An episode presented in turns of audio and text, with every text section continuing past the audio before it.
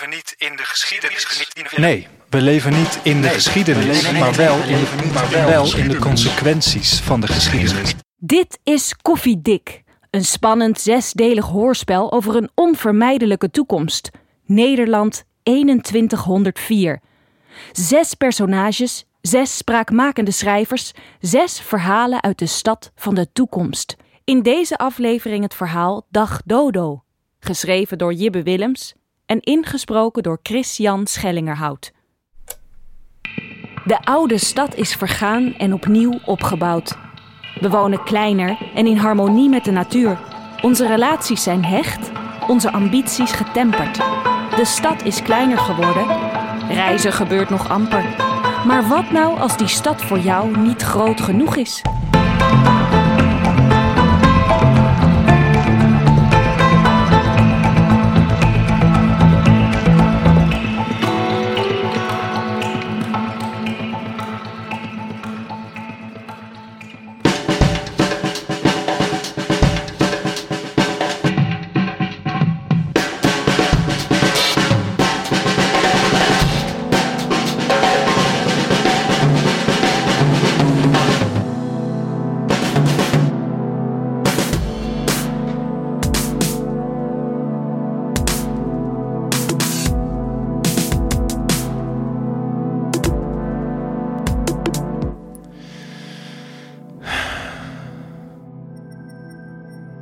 Asja's lievelingsgetal is een 8.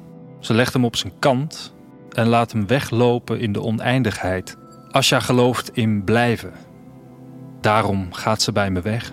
Ik, ik snap dat. Waarom zou je op iemand wachten die niet weet wanneer hen terugkomt? Ik weet zelfs niet of ik wel terugkom. Dat heb ik haar niet verteld. Ze gaat bij me weg door te blijven. Asja houdt van koffie bitter, heet. Ze roostert de wortels zelf.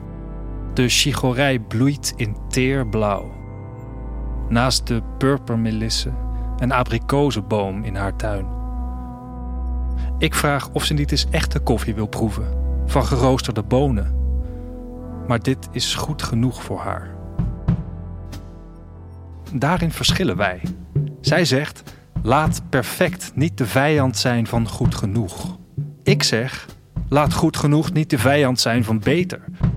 We hebben de beste bedoelingen, allebei, maar denken allebei anders over de horizon. Zij ziet die streep in de verte als eind en kader van haar wereld, en dat vindt ze prettig. Ik probeer op mijn tenen te staan om eroverheen te kijken. Dat lukt niet, en daarom moet ik erheen op reis. Zet je toch gewoon een holo op, zegt ze. Nou, ik zeg dat er een verschil is tussen toeschouwen en deelnemen. Tussen zien en zijn. Ik wil snelheid beleven in de hyperloops van Hongkong. In de schaduw staan van de laatste sequoia in Cascadia. Het vuur van de brandende woestijn in het Saoedische kalifaat op mijn wangen voelen gloeien. Ik ben zelfs nog nooit in de gezonken stad geweest, terwijl die maar op twee dagreizen varen ligt van hier. De mensen daar woonden vroeger in woningen op palen. Nu vormen ze een drijvende gemeenschap van woonboten en verbouwen ze groenten op de platte daken van de weinige kantoortorens die nog overeind staan. Volgens Asja zijn het illegale visvangers en suikersmokkelaars en kweken ze hennep voor andere doeleinden dan vlas. Ze roken het, zegt ze, en daar worden ze dan gek van. Nou, ik geloof het maar half. Ik wil het hoe dan ook met eigen ogen zien. Ik wil proeven hoe een vis smaakt. Misschien wil ik zelfs hennep roken. Ik ben niet bang om gek te worden. Ik ben bang om vast te roesten. Ik ben bang om vast te Asja zegt dat vastroesten juist goed is. Dat alle problemen begonnen zijn toen mensen hun wortels afkapten en over de wereld gingen zwerven. Sprinkhanen plagen op drift, die continenten leegvraten en zich verplaatsten in gifgassen uitbrakende moordmachines. Ken je plaats, zegt ze.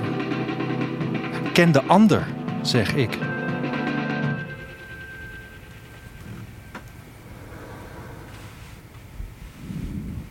Asja ligt naast me. Ik kleef tegen haar aan. Mijn buik plakt aan haar rug in deze broeierige hitte van de nawinter. Ik heb mijn arm om haar heen gevouwen. Het is eigenlijk te heet, maar ik wil haar nog niet loslaten. Het zal de laatste keer zijn. We weten het zonder het te zeggen. Met een plofje springt haar dodo op bed en nestelt zich tussen de lakens.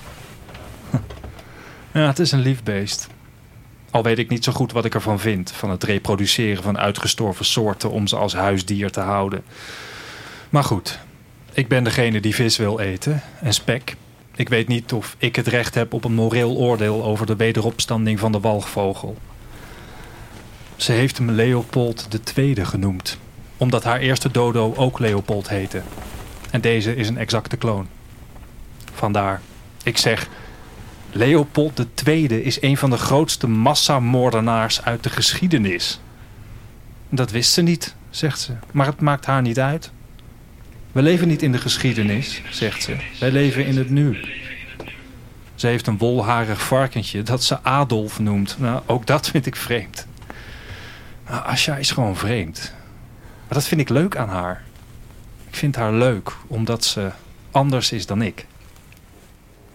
Ik laat Asja los. Schuif de dodo opzij. Die diertjes zijn zo mak dat ik me goed kan voorstellen waarom ze destijds uitgestorven zijn. En stap uit bed. Ik zet het raam aan en kijk naar buiten. De nacht lost op in een gele ochtend. In de laatste decennia voor de ramp werden onze soortgenoten steeds wanhopiger. In een poging de temperatuur minder hard te laten stijgen, lanceerden ze raketten met zwavel in de stratosfeer. Met het sulfaatscherm dat zo ontstond, probeerden ze een deel van het zonlicht te weerkaatsen, zodat de aarde minder hard zou opwarmen. Ah, het lukte. Deels. Maar minder hard was nog altijd te hard. Wetenschappers van hiervoor waren meer bezig met symptomen dan met de oorzaken. Alsof ze de kanker wilden bestrijden door het lichaam weg te snijden. Soms stinkt de zonsopkomst naar rot ei. We leven niet in de geschiedenis. Nee, we leven niet in de geschiedenis, maar wel in, maar wel in de consequenties van de geschiedenis. Het nu waarin we ons bevinden komt ergens vandaan. En dat nu gaat ergens heen. Een toekomst die ik vorm kan helpen geven. Ik kan mijzelf net zo min loszien van wie er na mij komt als van wie er voor mij was.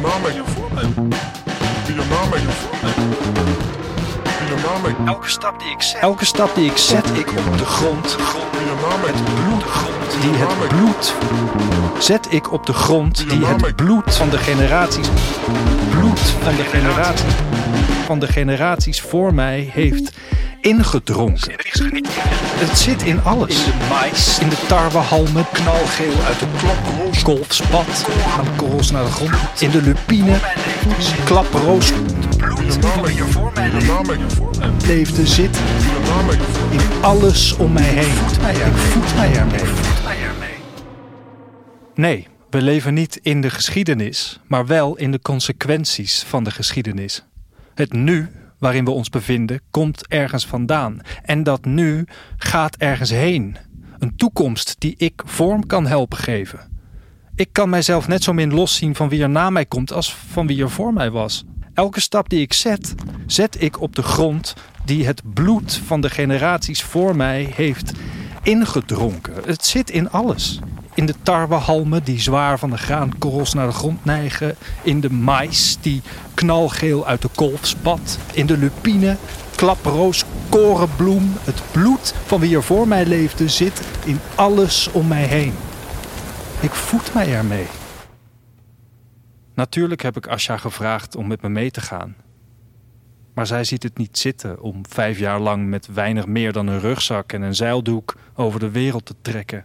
Te voet, op de fiets, met de boot. Misschien als we met het vliegtuig zouden gaan, zegt ze. Oh, zeg ik. Je bedoelt zo'n gifgassen uitbrakende moordmachine? Ze vindt het niet leuk als ik haar op haar woorden pak. Maar nog los van de moraal, die bij mij ook wankel is hoor, dat geef ik toe, heb ik het budget niet voor een vliegreis over de wereld. Ik moet leefgeld verdienen onderweg. De oogst binnenhalen op een algenfarm. Als harpoenier op de kwallenvaart of als recycler in het robotonderhoud. Ook dat nog, zegt Asja. Dat is toch geen vakantie? Maar ik kijk er naar uit. Ik wil niet enkel voorbij trekken, ik wil deelnemen aan andere levens. Om zo zelf een ander leven te leven. Meerdere levens. Maar waarom? Alles wat we nodig hebben, hebben we hier, zegt ze. Zij en ik hebben een andere definitie van noodzaak. Ben je dan niet benieuwd naar het eten, de mensen, al die andere werelden? Is ze niet. Asja zegt dat onze manier van leven de beste manier is. Maar dat zullen de ultraliberalen in Groot-Taiwan ook vinden. En de autarken van de Midwestelijke vlakte of de Hindoelims op de Bengaalse eilanden. Er zijn mensen die in stammenverband leven, die als jagers-verzamelaars door het leven gaan, die alle technologie afzweren. Er zijn mensen die met een rudimentaire exocortex de barrière tussen mens en machine slecht. Er zijn mensen die in de oksel van Afrika een nieuw Wakanda opbouwen en leven volgens de vijf zuilen van Ubuntu. Ik wil dat ook.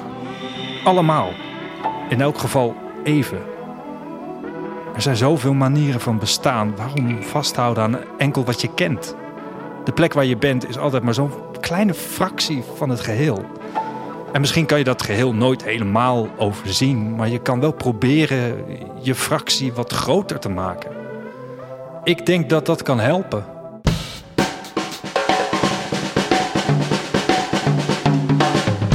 Ik zie steeds meer mensen die zich opsluiten binnen hun eigen bekende grenzen. Die niet meer verder kijken dan hun eigen belang.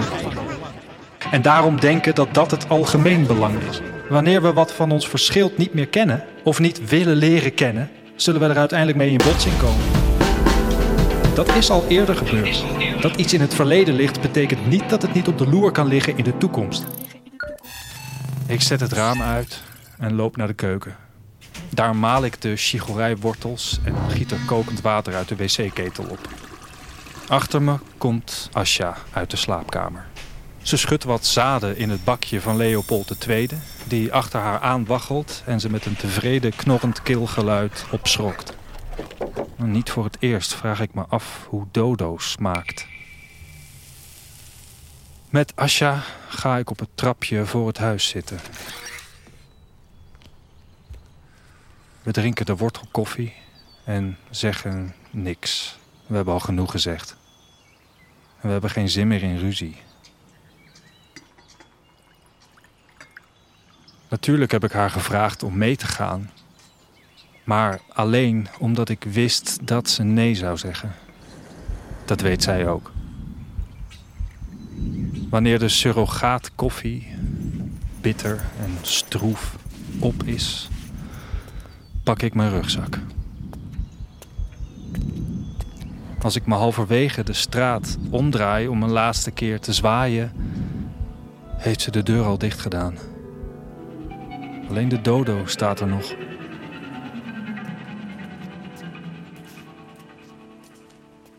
Haar straat is steil. Je moet je bij elke stap schrap zetten om niet te vallen. Als je naar boven loopt, kom je bij een panorama over de stad. Een groen, golvende plantenmassa, waar hier en daar het schuin aflopende houten dak van een drieverdieper bovenuit steekt. Af en toe schieten zilveren flitsen door het bladerdek. De robotjes die voor het groenonderhoud en de voedselverbouw zorgen. Op heldere dagen zie je het grijsblauw van de Westzee tegen de kustlijn klotsen. Daar, op het uitzichtpunt, in een monumentaal bushokje dat is blijven staan nadat de weg al lang was afgegraven, heb ik mijn eerste kus gehad. Van Martijn. Hij moest op zijn tenen staan. En ik moest huilen. Ik loop de andere kant op. Naar beneden. Dag, Martijn.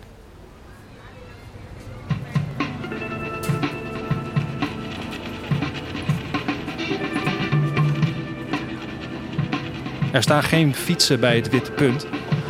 Maar ik heb geen bezwaar tegen een traag verdwijnen. Ik wandel met een omweg naar de haven, door de zware geur van wierook en kaarsen die in de Tempelstraat hangt. Ik weet niet of ik in God geloof en welke van de vele dan mijn voorkeur heeft. Maar het blinde geloof in de mens heeft ons ook geen verlichting gebracht. Wel hou ik van de rituelen. Vandaag mediteer ik kort in de simpele houten jinja voor de kami van de wind. Mijn moeder noemt mij vele namen voor de wind. Bries als ik ontspannen ben. Sirocco wanneer ik me opwind. Wervel op de momenten dat ik niet stil kan blijven zitten. soms ben ik storm. Ik heb haar gisteren al gedag gezegd. Ze wil me pas weer zien wanneer ik terug ben. Dag, mam.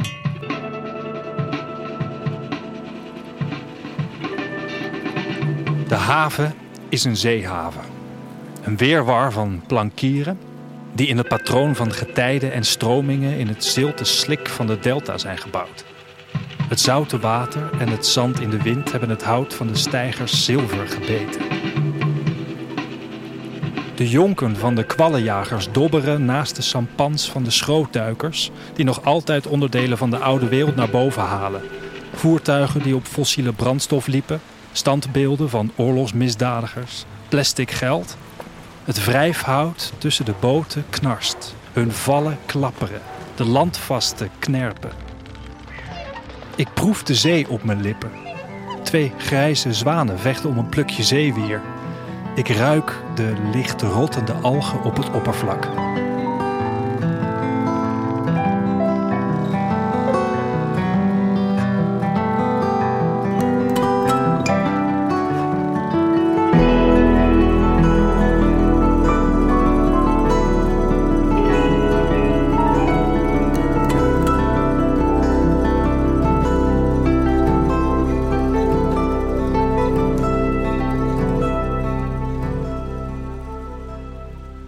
Achter de roeibootjes van de loodsen die de grotere schepen, zoals barken en soms een fregat, langs de verraderlijke hoogbouw die vlak onder het oppervlak kan liggen, leiden, blikkert een zonnepark dat buitengaats drijft en de stad van stroom voorziet.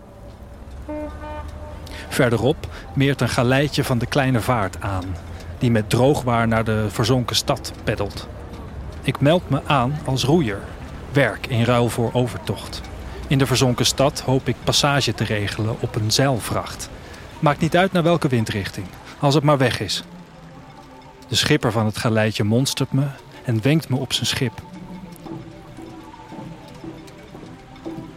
Vlak voor ik op de plecht stap, draai ik me nog één keer om.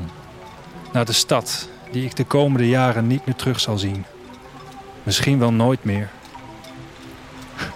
Ik verheug me op de heimwee. Daar, achter me, op een meerpaal die iets verder op de kade staat, zie ik Asja's dodo. Alleen. Leopold II moet achter me aangewaggeld zijn. Even twijfel ik of ik de dodo terug zal brengen. Of nee, dat is niet waar. Ik twijfel niet. Als ze wil, vindt ze haar weg zelf alweer naar huis. De dodo houdt haar kopje schuin. Ik knik terug en scheep in. Dag, Dodo.